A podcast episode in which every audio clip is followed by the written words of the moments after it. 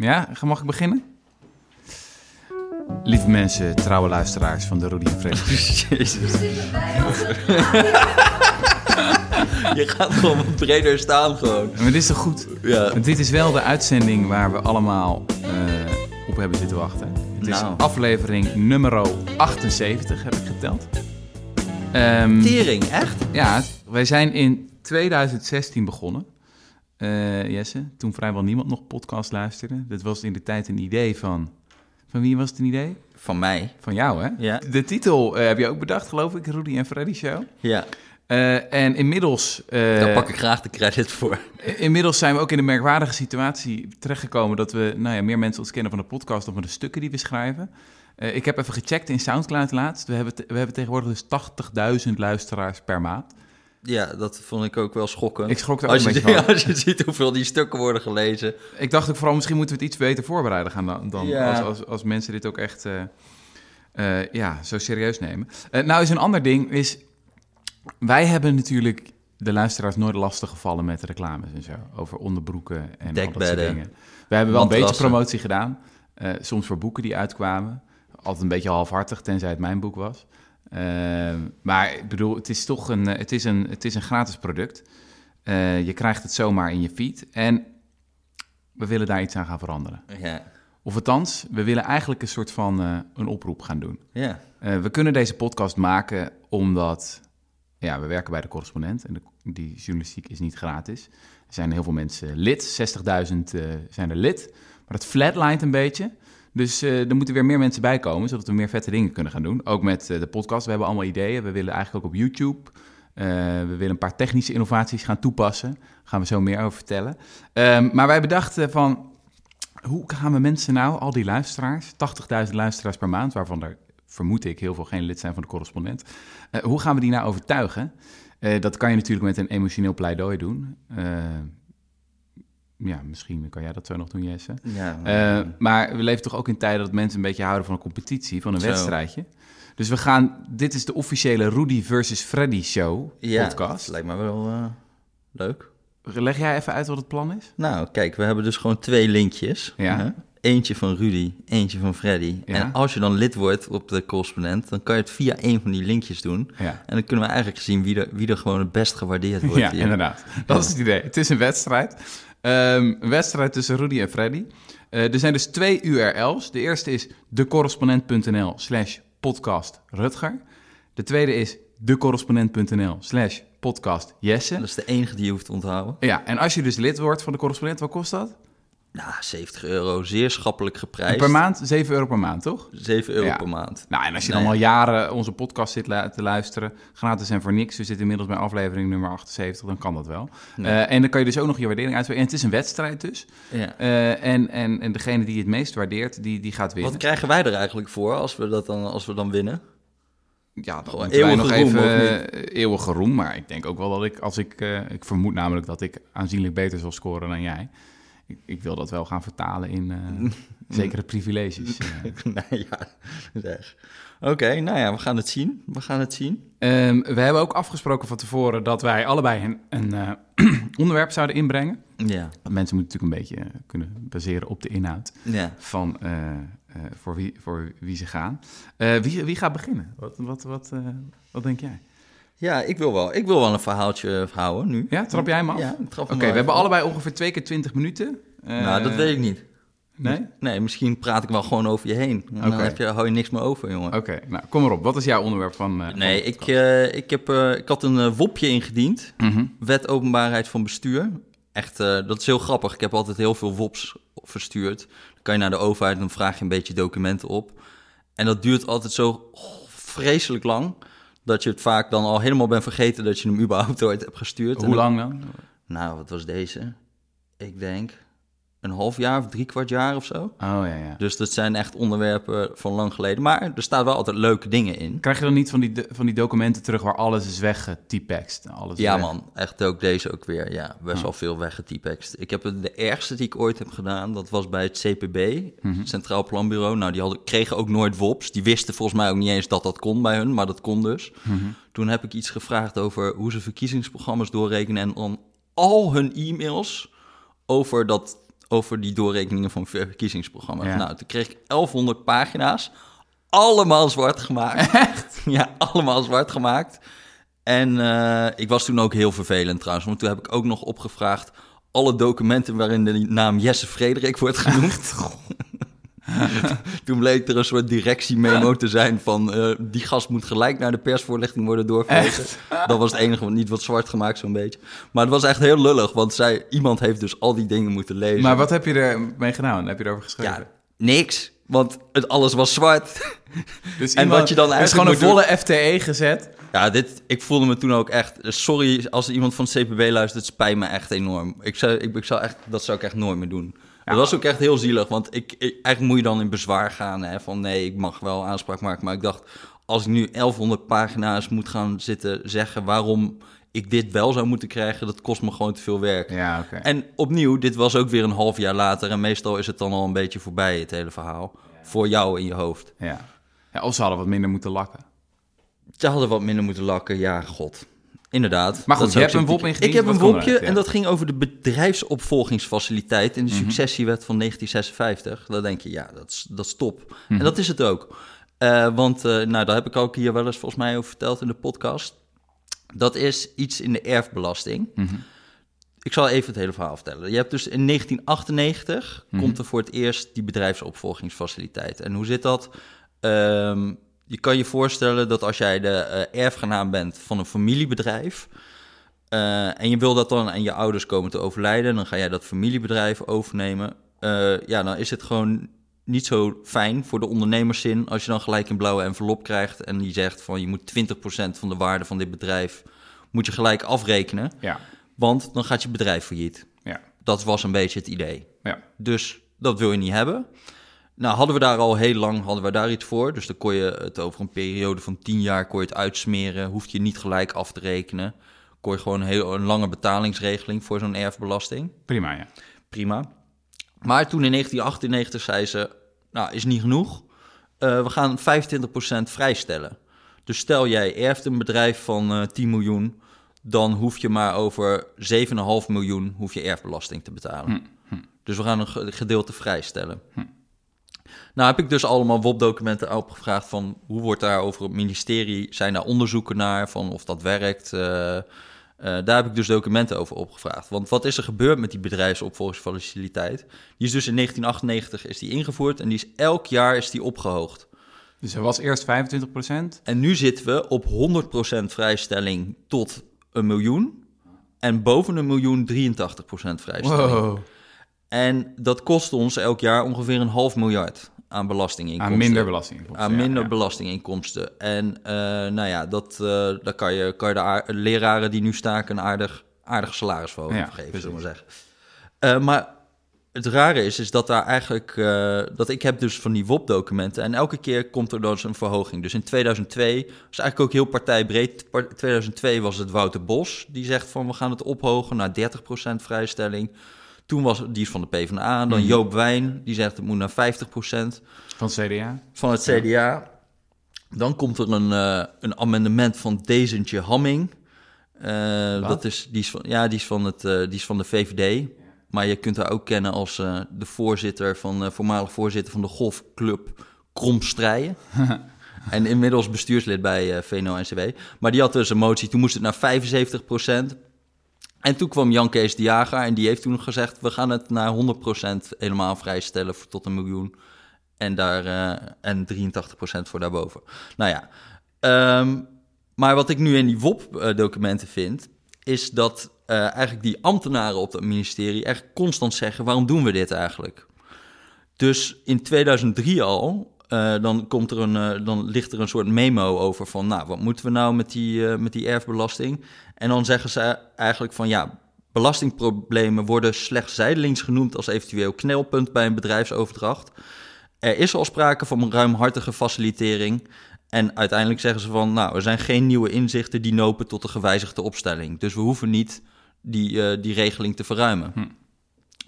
Eh, want wat zeggen zij eigenlijk? Ja, eh, bijna niemand heeft eigenlijk problemen met die erfbelasting afrekenen als je het over tien jaar kan uitsmeren. Als je Ja. gewoon een betalingsregeling krijgt. Ja. Waarom zouden mensen dan eh, helemaal los eh, maken van die, van die erfbelasting.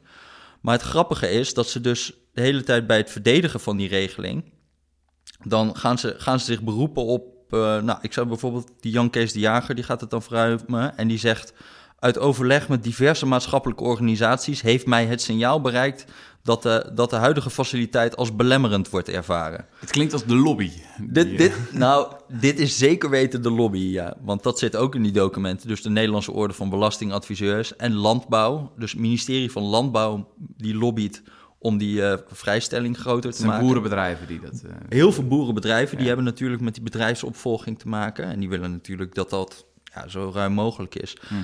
Maar het grappige is, is dat ik dus ook in die WOP-documenten... Want wat ze eigenlijk ook de hele tijd zeggen is van... ja, er zijn niet zoveel gegevens, maar het bericht bereikt mij van maatschappelijke organisaties. Dus ze zeggen, wij weten eigenlijk niet zeker hoe groot dit probleem is. Dat zeggen die staatssecretarissen de hele tijd. Maar het wordt gezegd dat dit zo is. Eh, maar nou heb ik dus in één keer een soort, eh, in dat WOP-verzoek blijkt dat er een onderzoek is gedaan bij het, eh, door mensen ehm, bij de Belastingdienst. Waarin ze gaan kijken naar van eh, 206 van die dossiers, van hoeveel mensen hebben dit nu eigenlijk nodig? Of wie zou gewoon meteen kunnen afrekenen?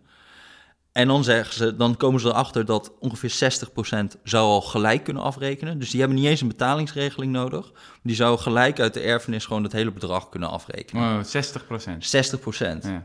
Eh, dus, die, die, dus zij zeggen ook van, ja, eh, zij zeggen van, eh, in de helft van de gevallen kent het eigenlijk geen strikte noodzaak. En, ehm, eh, oh ja, het echte probleem voor het gros van de bedrijfsopvolgers is niet de belasting, maar het betalingsmoment. Daaraan kan via een ruimhartige uitstelregeling een mouw worden gepast. Dus zij zeggen eigenlijk, waarom gaan we het nu weer verruimen? En nu is de grap dat, dat, dat die Jan Kees de Jager zegt de hele tijd... dan, dan heeft hij dus die, eh, is die wet weer verruimd... en dan moet er een evaluatie komen. Van laten we eens even gaan kijken hoe dit eigenlijk werkt. En dan zegt hij in één keer tegen de Tweede Kamer...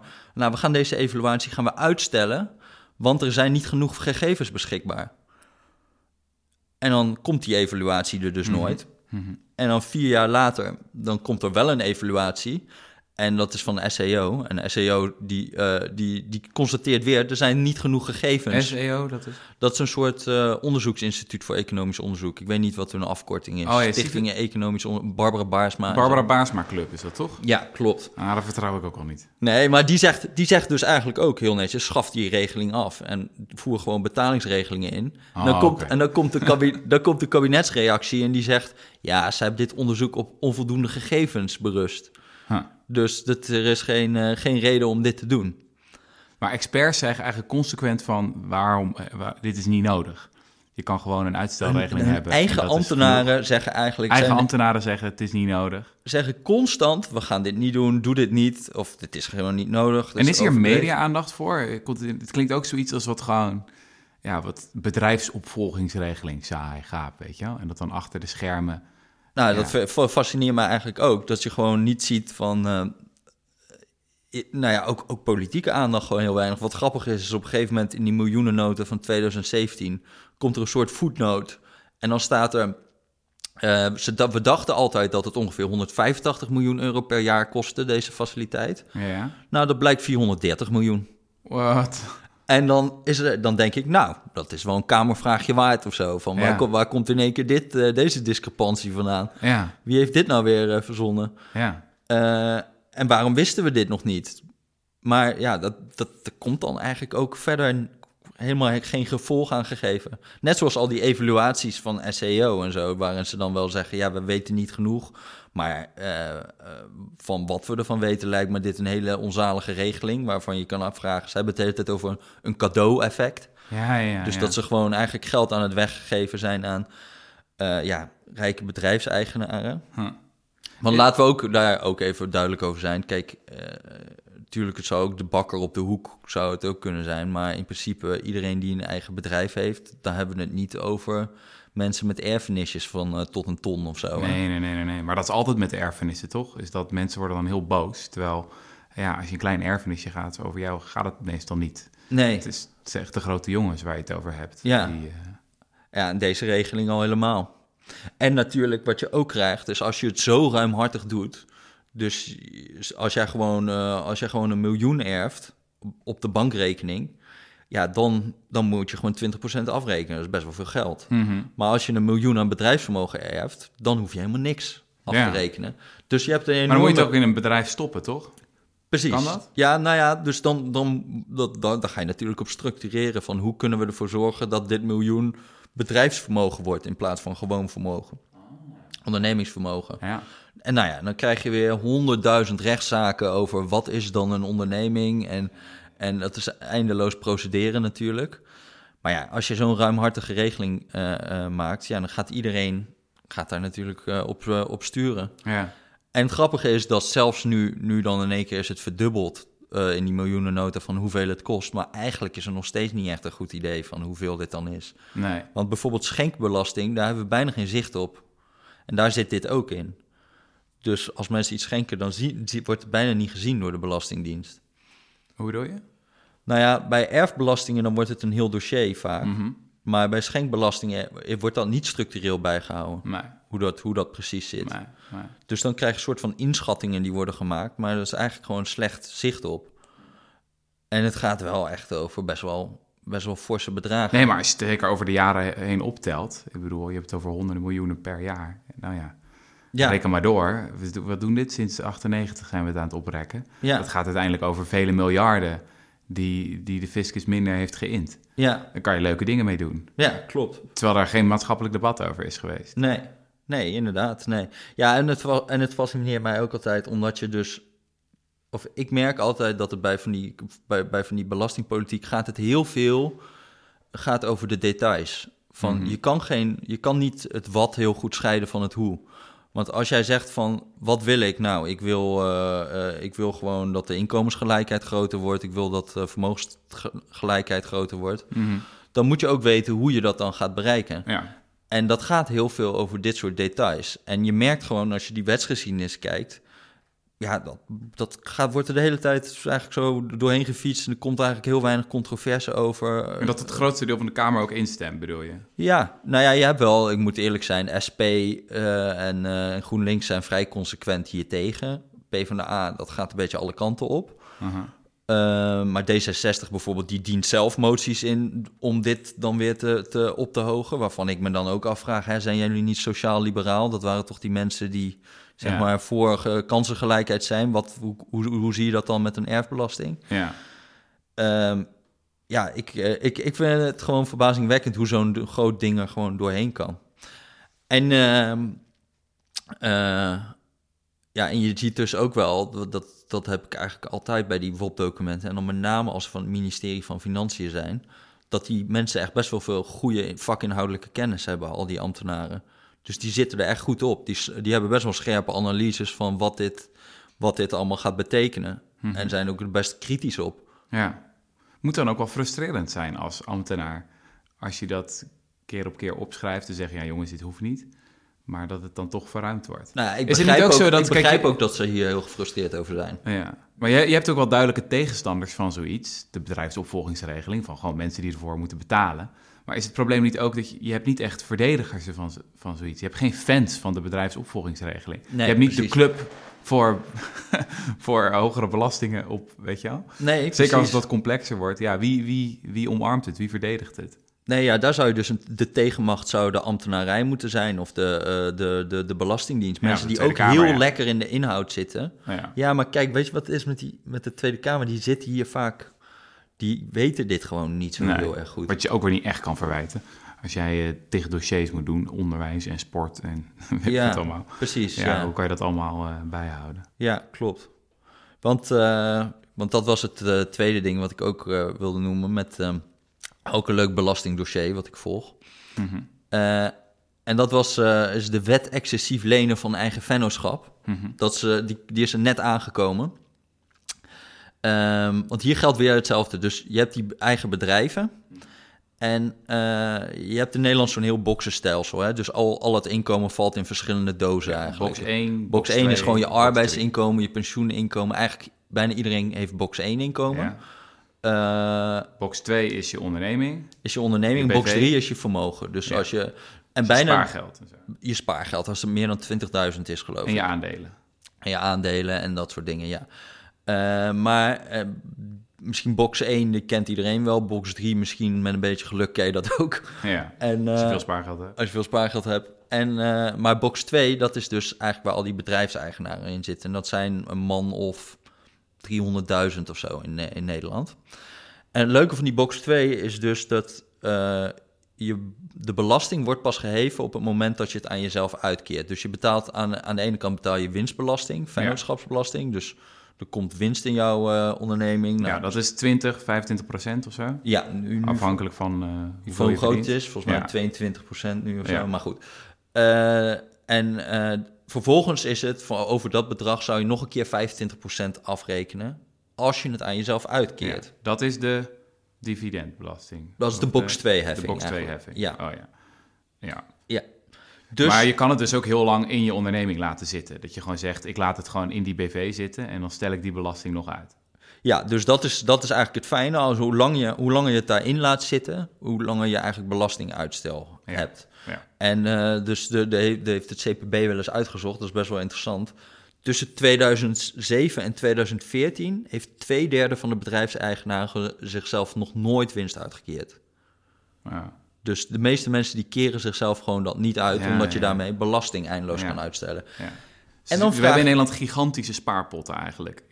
In die, in die In die bedrijven, in ja, die bedrijven, klopt. Ja. En de leuk, leuke is, dit zit ook niet in de inkomensongelijkheidsstatistiek. Dus als je het gewoon Oh. eh, opspot, Ah. maar dat is, eh, dat is een beetje terzijde. Ja. Maar dan is de vraag natuurlijk, hoe komen ze dan wel aan geld als ze het zichzelf niet uitkeren? ja. Nou, daar, daar was eigenlijk een hele mooie truc voor. Je ging jezelf niet uitkeren, maar je leende dat aan jezelf. Dus je gaf jezelf, gaf je gewoon een lening. Eh, Dus dan heb je de aandeelhoudersvergadering met, laten we zeggen, jezelf. BV Jesse. met de. En dan opent Jesse de aandeelhoudersvergadering. Die zegt, nou, we hebben een verzoek binnengekregen van Jesse. Ja. Jesse, privépersoon. Ja. Die wil van ons lenen. ja, eh, een half miljoen. tegen zakelijke En voorwaarden. eh, wie, wie stemt voor? En nou, Jesse stemt voor. Yes, yes is voor. Ja, en dan wordt de lening afgesloten. En dan heb jij als privépersoon een half miljoen geleend van BVS. Ja, en dan ga je daar een mooie boot van kopen of zo, of Ja. weet ik veel. Ja. Nou, dat is mooi. Nou, en, en weet je, in de praktijk ging het vaak waarschijnlijk nog, eh, nog iets banaler. Want ik weet wel dat heel veel accountants echt vaak met, het, met hun eh, handen in hun haren zitten over van... dan komt aan het eind van het jaar komt zo iemand met al zijn bonnetjes. Dan blijkt hij allerlei privé-uitgaven te hebben gedaan op naam van zijn eigen bedrijf. En dan is het zoiets van, ah man, gast, wat heb je nou weer gedaan? Oké, we maken er wel een lening van. Hmm. Snap je? Dus Ja, dan, ja, dan is er gewoon meer uitgegeven. En dan, dan, dan denken ze, oké, we gaan dit wel in orde maken op een of andere manier. Ja. Maar ehm, eh, dat, dat mag eigenlijk dus niet helemaal. Want je mag alleen zo'n lening geven als het tegen zakelijke voorwaarden is. Mhm. Dus eigenlijk eh, zou een bank zou dit ook bij jou moeten doen. Ja. Zo'n lening. Dus je moet een rente hebben en een aflossingsschema en weet ik het allemaal. Anders mag het niet. Ja. Maar nu is, het, eh, is de grap natuurlijk eh, dat, dat er zoveel mensen dit zijn gaan doen. Ik had eh, bijna 60% van alle. of nee, even kijken, wat was er? Ja, 61% van alle bedrijfseigenaren heeft een lening aan zichzelf. Mhm. Dus dat, dat wordt op hele grote schaal gedaan. En de Belastingdienst zou dus al die individuele leningen moeten gaan controleren of die wel zakelijk zijn. En dan zit je ook nog met een groep van mensen die nog wel procedeer geneigd zijn. Dus die gaan, die gaan daar allemaal in verzet Ja, en advocaten en gedoe. En, dus dit kost ze enorm veel tijd. En, en voor een huis kan ik me nog wel voorstellen dat je makkelijk kan betogen dat het zakelijk is. Weet je wel, want dan is er een, dat je voor je eigen huis leent. Maar ik bedoel, voor je eigen, zo je vakantie of zo. Ja, Eh, ik, is ik heb een beetje uit? zoiets, als ik heel eerlijk ben, hoe kan het ooit zakelijk zijn? Het is je eigen bedrijf, weet je. Mhm. Dus eh, je, je kan het wel zakelijk. Maar ja, goed, het is altijd een soort van manier om belasting uit te stellen. Ja, ja. Dus ik zou als overheid zeggen, staat gewoon überhaupt niet toe. Maar goed, en dat hebben ze dus in Denemarken en Zweden en zo, zijn dit soort constructies gewoon helemaal verboden. Kan je niks lenen. En in, en in andere landen hebben ze een manier om dit te ontmoedigen door enorme. Maar goed, dat is allemaal eh, andere dingen. Maar nu heeft dus de, eh, eh, is er is eigenlijk een beetje ook vanuit die uitvoering gekomen van. Nou, wij worden hier helemaal knettergek van. Van al die mensen die leningen bij zichzelf afsluiten. Wij moeten dat allemaal controleren op zakelijkheid, de Belastingdienst. Kan er niet even een wet voor komen om dit tegen te gaan? Ja. En eh, nou is die wet er, de wet excessief lenen van eigen vennootschap, heet het. En wat, we daar, wat ze daar hebben gedaan is gewoon elk bedrag boven de 500.000 euro, dan, als je meer dan 500.000 euro voor jezelf hebt geleend, dan zien we het niet meer als een lening, maar gewoon als een winstuitkering. Dus dan gaan we het belasten. Mhm. En eh, die wet kwam er en ik ging even kijken in die memorie van toelichting. Dus daar heb je altijd bij een wet, wordt er een Ja, beetje ja, uitgelegd, wat gaan we nu eigenlijk doen. En dan hadden ze even wat ge- getalletjes over hoe groot die leningen eigenlijk zijn van bedrijfseigenaren aan zichzelf. En daar stond dus gewoon dat er 55 miljard euro aan leningen uitstaat van bedrijfseigenaren aan zichzelf. Nou, gaan we even rekenen. Als wij het systeem zoals in Zweden zou hebben, dan zou dat allemaal met 25% belast moeten worden. Mhm. 55 miljard. Even kijken hoor, kan ik zo snel rekenen? Dus eh, 11 miljard of Mag zo? ik pakken ja. daar even een Excelletje bij. En in ieder geval 10, meer dan 10 miljard. Ja, Ja, veel geld. veel geld. En dan ook nog 10% van, die, van de mensen, die heeft ongeveer 60% van dat bedrag. Van de lenen. Dus Mm. dat zijn echt maar eh, 10.000 huishoudens of zo... die echt het, het gros van dat bedrag eh, uitmaken. Maar ze willen hier nu iets tegen gaan doen. Ze willen hier nu iets aan tegen gaan doen. Dus er komt een wet waardoor het alles boven de 500.000 eh, eh, eh, euro wordt aangepakt. Maar hier weer, wat ik zo enorm grappig vind, is dat het totaal niet, zeg maar, dit stond in geen enkel verkiezingsprogramma. Zoals we wel eens zeggen, we de dividendbelasting, Ja. toen dat werd afgeschaft, toen zeiden we, dat stond in geen enkel verkiezingsprogramma. Nou, deze maatregel stond ook in geen, geen enkel verkiezingsprogramma. Wat mij betreft, als je een linkse politicus bent, dan is dit echt de shit. Ja. Gewoon, dit is, Geweldig. heel, dit is heel belangrijk. Ja. Dit is een enorm gat in de, eh, in de, in de heffing. ja. Het is gewoon een hele belangrijke manier om belasting te ontwijken voor rijke mensen in Nederland. Om het, het is zo'n beetje, zo'n beetje de manier. Ja.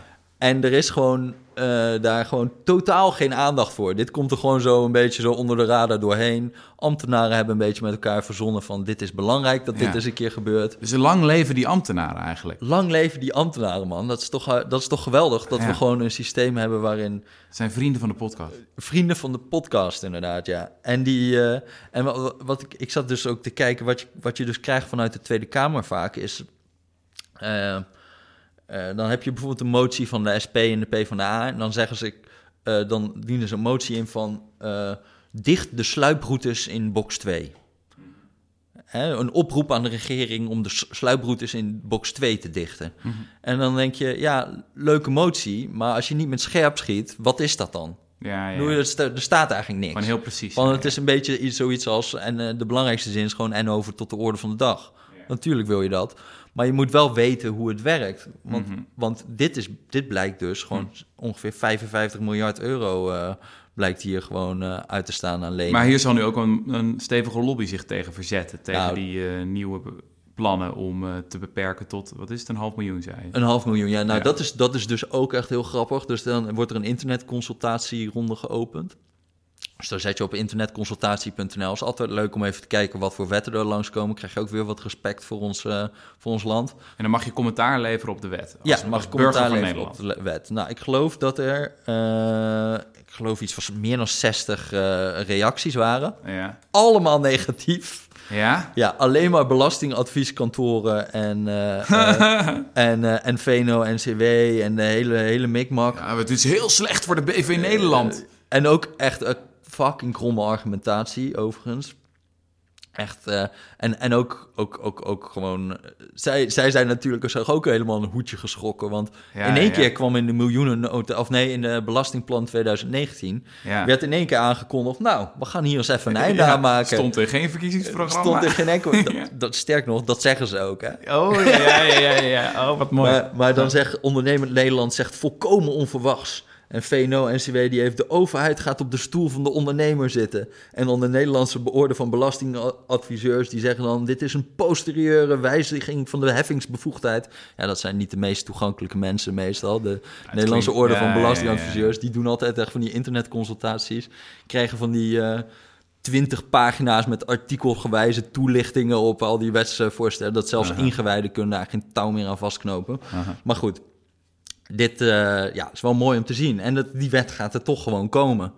Ondanks het 60, je zou zeggen de lobby, die, die, die faalt hier gewoon grandioos. Hm. Ik heb ook... eh, wel echt vast, het zet je wel echt aan het denken over hoe Nederland werkt. Dat dit gewoon een hele wereld is die zich buiten het gezichtsveld eh, begeeft van veel Nederlanders, zelfs van veel journalisten. Is enerzijds die lobby in het geval van die bedrijfsopvolgingsregeling, maar nu Mhm. dan een, een ambtenaren die, ja, die je niet kent en die zelden worden geïnterviewd, die dan blijkbaar eh, zo'n eh, strijd aan het voeren zijn en daar dan nu in winnen. Het is Ja. gewoon een heel machtenspel. Ehm, Ja, ik denk dat we gewoon veel te veel gefocust zijn op het wat. Dus gewoon, wat, wat willen al die partijen? En eh, dat is ook makkelijker, namelijk. Want als het alleen maar gaat over... GroenLinks wil inkomen, minder inkomensongelijkheid. En, eh, en VVD vindt dat wat minder belangrijk. ja. Maar eigenlijk doet dat er niet heel erg veel toe, dat wat, als je niet weet hoe. En, en, en, en daar speelt heel veel interessante politiek. Die heel die lobby, die zit vooral op het, op het hoe. Ja. Dus dan gaat het echt over een gemillimeter over een, over een wetsartikel. En in artikel 24 lid 4 zitten misschien wel hele interessante dingen... die een enorm verschil kunnen maken voor wat er uiteindelijk de uitkomst is. Ja, ja. En dat is, eh, ja, dat is hier ook natuurlijk. Mooi gezegd. Ja. Mag ik al? Ja, eh, oh ja, mag ik nog heel even een beetje promotie voor mezelf maken? Ja. Decorrespondent.nl, ik herhaal, podcast Jesse. Slash podcast Jesse. Word lid, Ja. word lid en, eh, ja, en, en gun mij dat. Hè? Nou, je, je maakt het me wel moeilijk zo, Jesse. Maar ik ga mijn best doen met, met mijn inbreng. Ik heb als pièce de résistance ja. heb ik meegenomen een boek dat mij echt volkomen heeft weggeblazen. Ehm, het heet... Het is echt wel iets totaal anders dan de bedrijfsopvolgingsregeling faciliteit, moet ik eerlijk ja, zeggen. dat is mooi. Dan zien we onze, eh, onze grote ook- krachten ook. Precies, de diversiteit van de podcast. Het boek heet How Emotions Are Made, The Secret Life of the Brain. En het is geschreven door professor Dr. L- Denk ik, dat is ook... ja, Dat is ieder geval. Professor Dr. Lisa Feldman Barrett. Mm, Ik, eh, ik vind het echt totaal fascinerend. Ehm, zelfs als er geen zak van klopt, wat er in dit boek staat, dan denk ik dat het nog steeds nuttig is. Het deed mij een beetje denken aan het boek van ehm, Thomas Kuhn. Dat is een wetenschapsfilosoof. Die schreef volgens mij in de jaren 60 een boek, The Structure of Scientific Revolutions. ja. Waarin hij beschreef hoe soms hele wetenschapsgebieden nou ja, op een kop worden gezet. En mensen ineens iets heel anders gaan denken. Weet je, of je nou Galileo Galilei of eh, eh, denk aan eh, de, de opkomst van de kwantummechanica. En hij zei dan van, wat er gebeurt is dat er steeds meer anomalieën zijn. Dingen die niet kloppen met de oude theorie. En dat, dat wordt dan geprobeerd te fixen, weet je wel. Dan gaan mensen die theorie steeds complexer maken en allemaal pleisters plakken. Totdat op een gegeven moment de hele boel instort en dan komt er een nieuw paradigma, een nieuw perspectief. Mhm.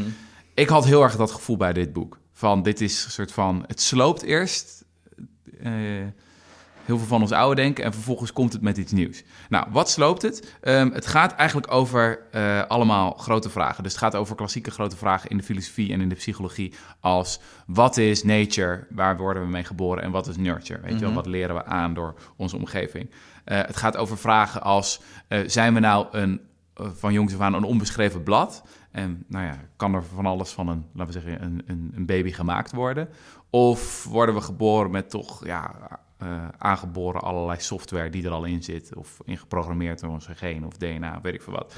Ehm, en het gaat eigenlijk ook over de vraag van waarom voelen we eigenlijk überhaupt eh, wat we voelen. Ik vond het ook extra fascinerend omdat het voor mijn gevoel een, een brug biedt, dit boek, tussen enerzijds de, de, de relativistische antropologie, die zegt, ja, weet je, alles is cultureel bepaald. En weet je wel, je gaat naar Sub-Saharisch Afrika en daar ga je op stap met een nomadische jager-verzamelaarsstam. En ja, die denken totaal anders over de wereld. Die ervaren emoties heel anders.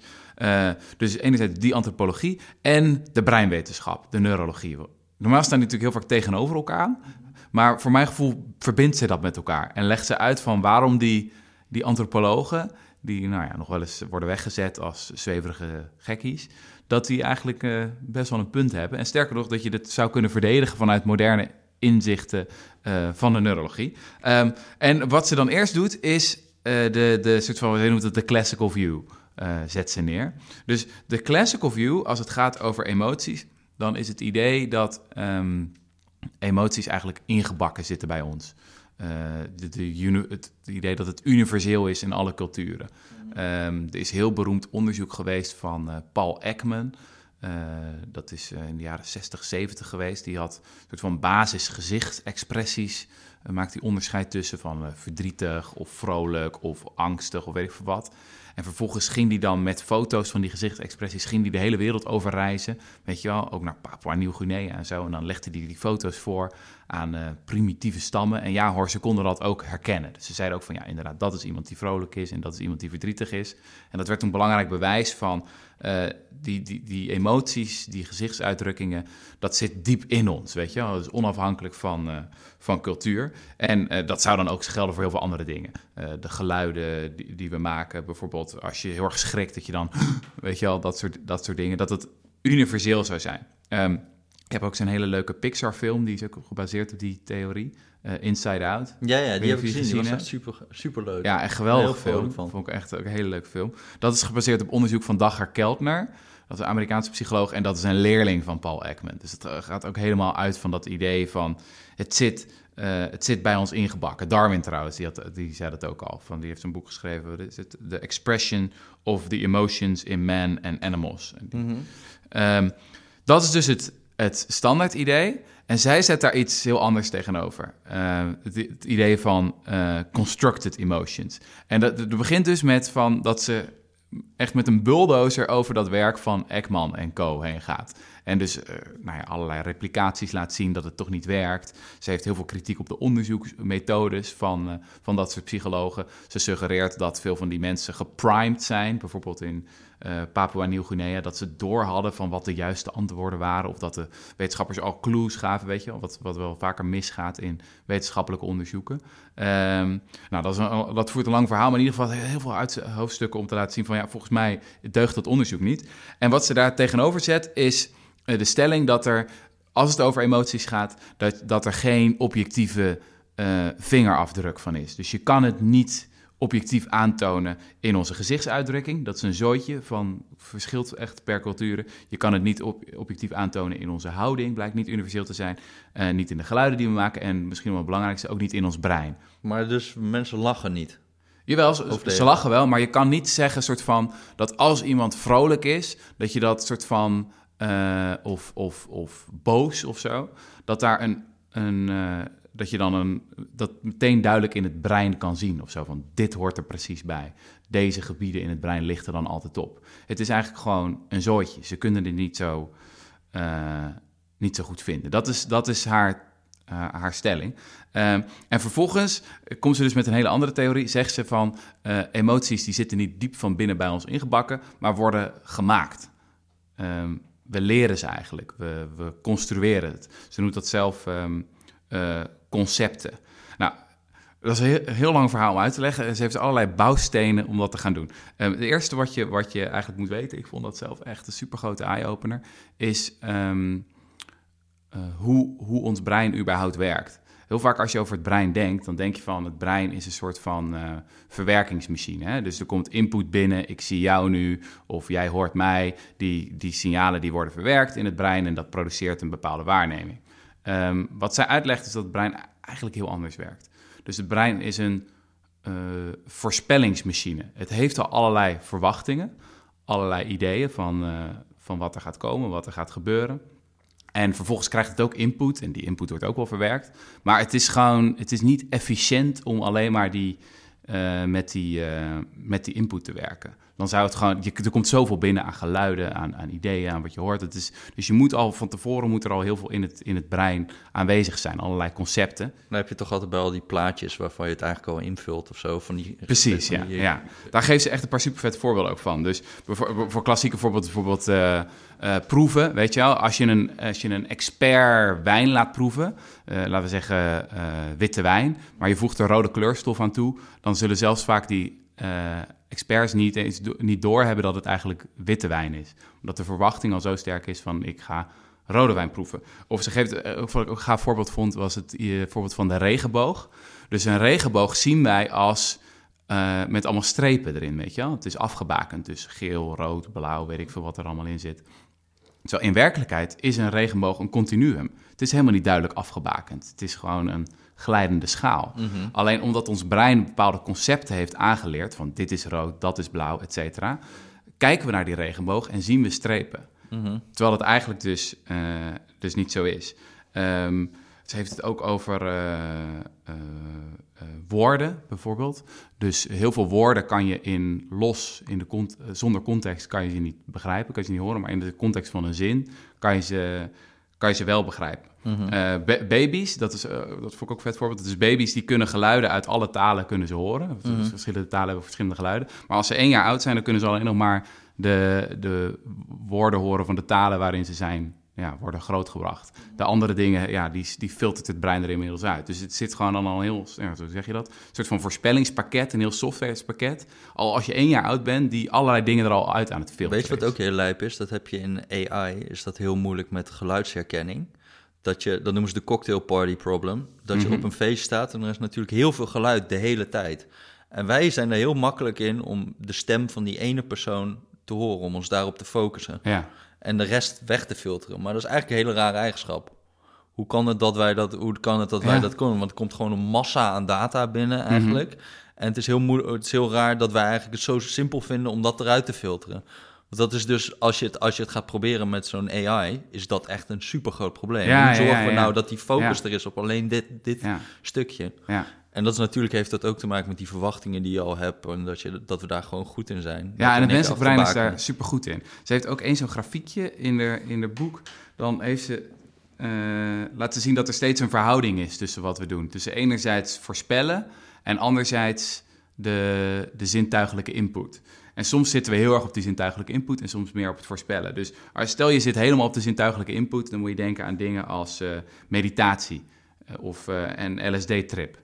Weet je, daar ben jij wel van, geloof ik. Ehm, dat, je, dat je gewoon veel meer, het gaat over wat er, wat er binnenkomt. Terwijl als je veel meer in de voorspellingsmodus zit, dan gaat het over dingen als ehm, eh, dagdromen of placebo-effect. Weet je wel, waar we eerder een podcast over hebben gedaan. ja. Of eh, verbeelding, of die optische illusies.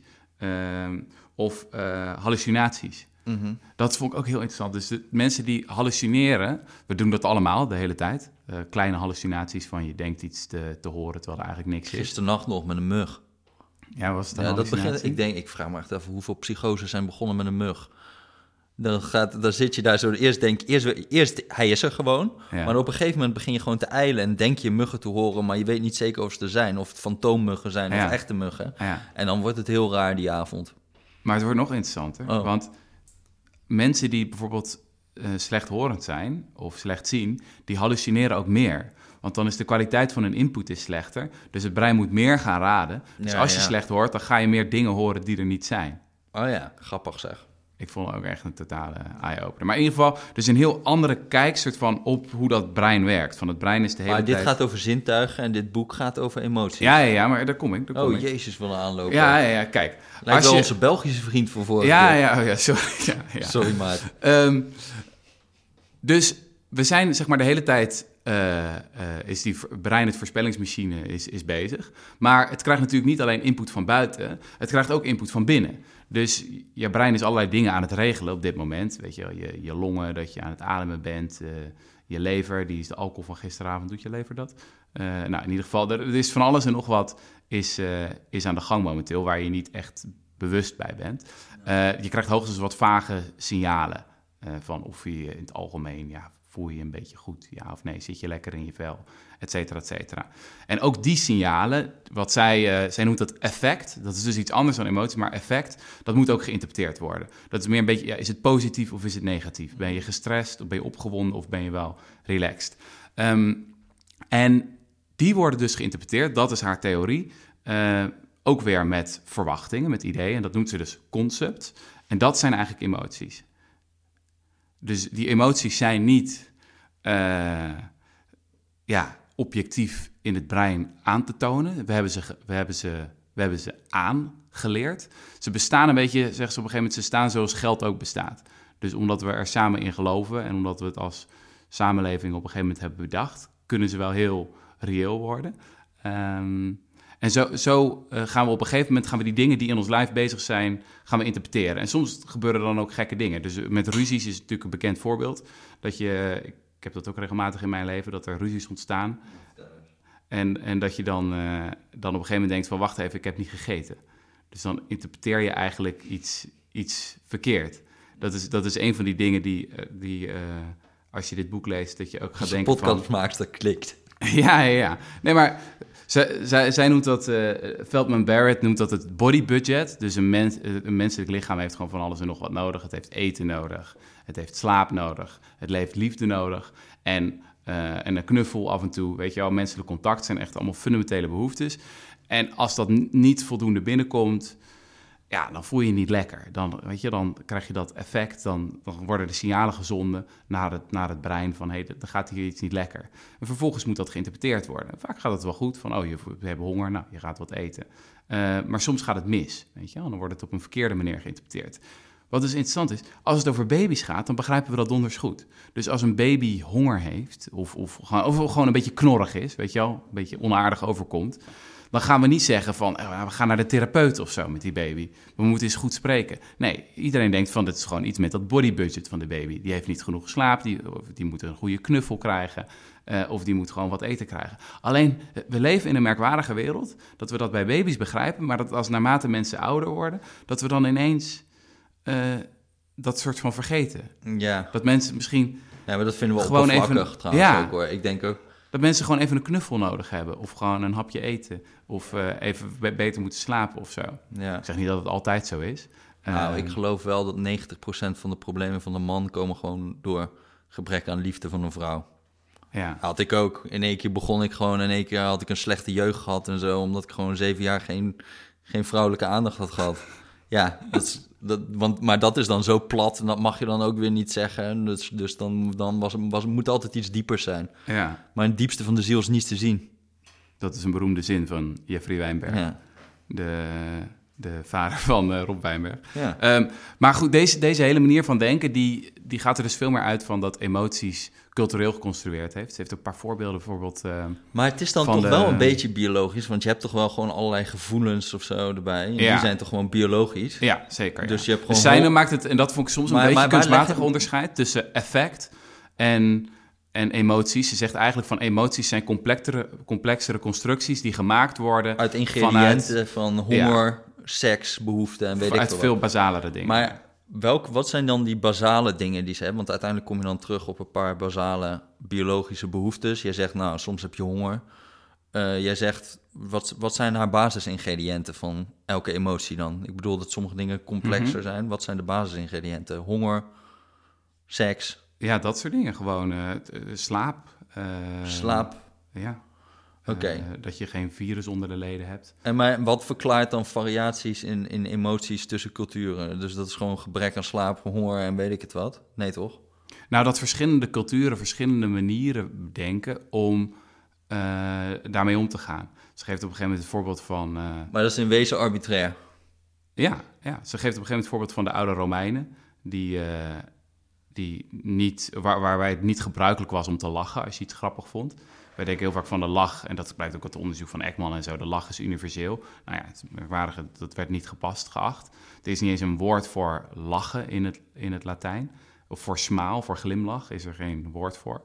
Uh, ze geeft ook het voorbeeld van, uh, stel dat iemand doodgaat. Dus uh, dat is, dat is natuurlijk verschrikkelijk, zeker als dat een naast is. En nou, mensen zijn door en door afhankelijke wezens. Dus het, het, lichaam geeft ook een signaal van dit, dit is gewoon niet goed. Uh, maar daar kan je verschillend mee omgaan. Dus in, in westerse cultuur ben je verdrietig, ga je huilen of ga je rouwen. En ze geeft voorbeelden van andere culturen waarin het verliezen van iemand meer wordt ervaren als een griep. Of in Rusland waar het meer wordt ervaren als fysieke pijn. Dus op een heel andere manier. Dus dan is het ook wel, ja, komt het vanuit het. Uh, Weet je, het is duidelijk slecht. Het is niet dat het ineens in een andere cultuur positief is of zo, als je naast de dood gaat. Alleen er wordt op een andere manier uh, mee omgegaan. Ja, maar het is mij niet helemaal duidelijk waar ze nou dan tegen betoogt. Dus het hele idee is, bij die andere was het dat er gewoon, dat de basisingrediënten van emotie waren gewoon humor, dat is universeel of zo, of weet ik het. Ja, of bijvoorbeeld lachen, bepaalde gezichtsuitdrukkingen zijn universeel. En, zij zegt dat is de uitkomst van iets anders, wat wel biologisch het is. Het is aangeleerd. Dus, dus hoe je omgaat met bepaalde, bepaalde situaties of bepaalde tekorten uh, in, in, het leven, dat is, dat is vervolgens aangeleerd. Wat niet wil zeggen dat het vervolgens heel krachtig kan zijn, want ja, het brein is een voorspellingsmachine en op een gegeven moment kunnen er echt bepaalde patronen heel diep verankerd zijn in het brein. En bovendien leren we die van elkaar. Dus het gaat hier ook om het collectieve geheugen van een hele van een hele cultuur. En dan kan het op een gegeven moment wel gaan voelen alsof dit gewoon puur natuurlijk is. Weet je wel? Als ik naar jou kijk, heb ik ook niet het idee van ik zit nu naar een constructie te kijken van mijn eigen brein. Het voelt gewoon alsof input binnenkomt en that's it. Weet Ja, je toch wel. wel meevallen, jongen. Ja. ja. Nee, Nou jij, ja. jij ziet er ook niet uit als een constructie van mijn brein. Ik heb dus echt het gevoel, dit boek, ik kan niet zeggen dat ik het al helemaal doorgrond. How Emotions Are Made, Lisa Feldman Barrett. Maar ik heb echt het gevoel dat de implicaties vrij fors zijn. Als je het ook hebt over ehm, eh, GGZ, weet je wel, geestelijke gezondheidszorg. Wij zijn natuurlijk allerlei labels de hele tijd aan het bedenken van wat er mis is met iemand. Weet je wel, die heeft die gedragsstoornis of die heeft die gedragsstoornis. Ehm, kunnen dat ook een soort van zelfvervullende profetieën worden? Dat mensen op een gegeven moment in dat soort hokjes en vakjes gaan denken en zo zichzelf en de werkelijkheid om zich heen gaan ervaren. Ja. Nou, dat is mijn, eh, dat is mijn boektip. Oké. Ga je het lezen? Ik weet het niet, man. Ik zou vooral, als ik dit zo hoor... Zo flauw. Ik heb zo enthousiast gedaan over jouw item. Nee, maar dan kijk, ga je nu op het laatste Als ik, moment dit nog hoor, een- als ik dit hoor, dan denk ik vooral... Ik zou gewoon even naar decorrespondent.nl slash podcast Jesse gaan. Rutger gaan, ja, ja. En daar zou ik gewoon even. Decorrespondent.nl slash podcast Rutger. Podcast Eh, Jesse. Eh, dat gaan we doen. Waar mikken we op, Jesse? Hoeveel Nou, eh, ik, eh, leden kunnen we trekken Ik- met deze? wat zeg jij? 80.000 luisteraars? 80.000 luisteraars per maand Honderd- hebben we. 80? Conversie van Ik wilde 2000 2000. in totaal, ja. En als we dat niet halen, dan gaan we staken. Nee, dan gaan, we, ga- dan gaan we dit gewoon aanpakken zoals die dekbed reclames bij andere podcasts. Dan gaan we gewoon hele vervelende Elke reclames keer gewoon doen. midden in de podcast, net een lekker Ja. verhaal, gaan we het onderbreken met echt schaamteloze reclame. Ja, dat is collectieve bestraffing. Zo is Als het. jullie niet samen gewoon die 2000 halen, dan, dan, dan wordt het gewoon heel vervelend hier. Ja, nou, dat eh, was mijn promo. Ehm, We kunnen het ook iets liever zeggen. Yes, ik vind het leuk om met jou die podcast te doen al een hele tijd. ik ook. Lieve luisteraars, wij vinden het te gek om, eh, om met jullie die reis al nu al, wat is het, sinds 2016 door te maken. Ja, zo. We hopen dat het wederzijds is. Ja. Ehm, moeten we nog andere dingen promoten? Oh, wacht, we hebben nog een heel vet idee trouwens. Oh ja. Dat moet ik nog zeggen. Oh ja, technologische vooruitgang. Ja, de technologische damn, damn, damn. Waar heb ik dat? Zet dat, in- staat dat in de show notes ook? Ja, stukje technologische innovatie, dames en heren. Wat we willen gaan doen, is ook om de interactie te bevorderen, is eh, wij hebben een telefoonnummer geopend. Oh de, ja. de Rudy en Freddy phone. En wat kunnen mensen doen? Eh, je kan dat telefoonnummer eh, toevoegen in WhatsApp, ja? denk ik. Ja, dan kan je het... Oh nee, we hebben zelfs een link en dan opent WhatsApp vanzelf. En dan kan je met het microfoontje rechts, ehm, kan je een bericht inspreken. Een voice memo. Eh, dan is het heel belangrijk dat je duidelijk je voor- en achternaam deelt. En dat je zegt dat je reageert op de Rudy en Freddy show. En dan kunnen we jouw voice memo eh, gebruikt worden in... eh, die kunnen we dan gebruiken in de volgende aflevering van de, van de Rudy en Freddy show. Dus, eh, kunnen we bijvoorbeeld een keer een Q&A-aflevering doen. Ja, Of als iemand gewoon iets super briljant heeft, kunnen we het erin stoppen. Opmerkingen. Als jij een keer die, die dekbed-reclame wil inspreken... gewoon je medeluisteraars wil oproepen om ook gewoon lid te worden... dat mag ook. Ja, dat ja. Kan, het kan best dat we dat gewoon mid-podcast afspelen. Ja, nou, we hebben Nou, dus in de, in de leuk. link hebben we een, eh, of in de show notes hebben we een link. Eh, heb je vragen of opmerkingen, mail dan met post.decorrespondent.nl. Het nummer is 0644891614. Oeh. 0644891614. Maar je kan dus ook gewoon op die link klikken. Ik heb hier wel zin in. Dat, daar heb ik ook wel zin Volgens in. mij wordt ik ben wel benieuwd wat voor... eh Ik ben benieuwd of mensen een beetje hun best gaan doen. doen. Dat echt een, Ja, of een lied of zo, een betoog. ja een lied. We willen, ook zang, ja, inderdaad.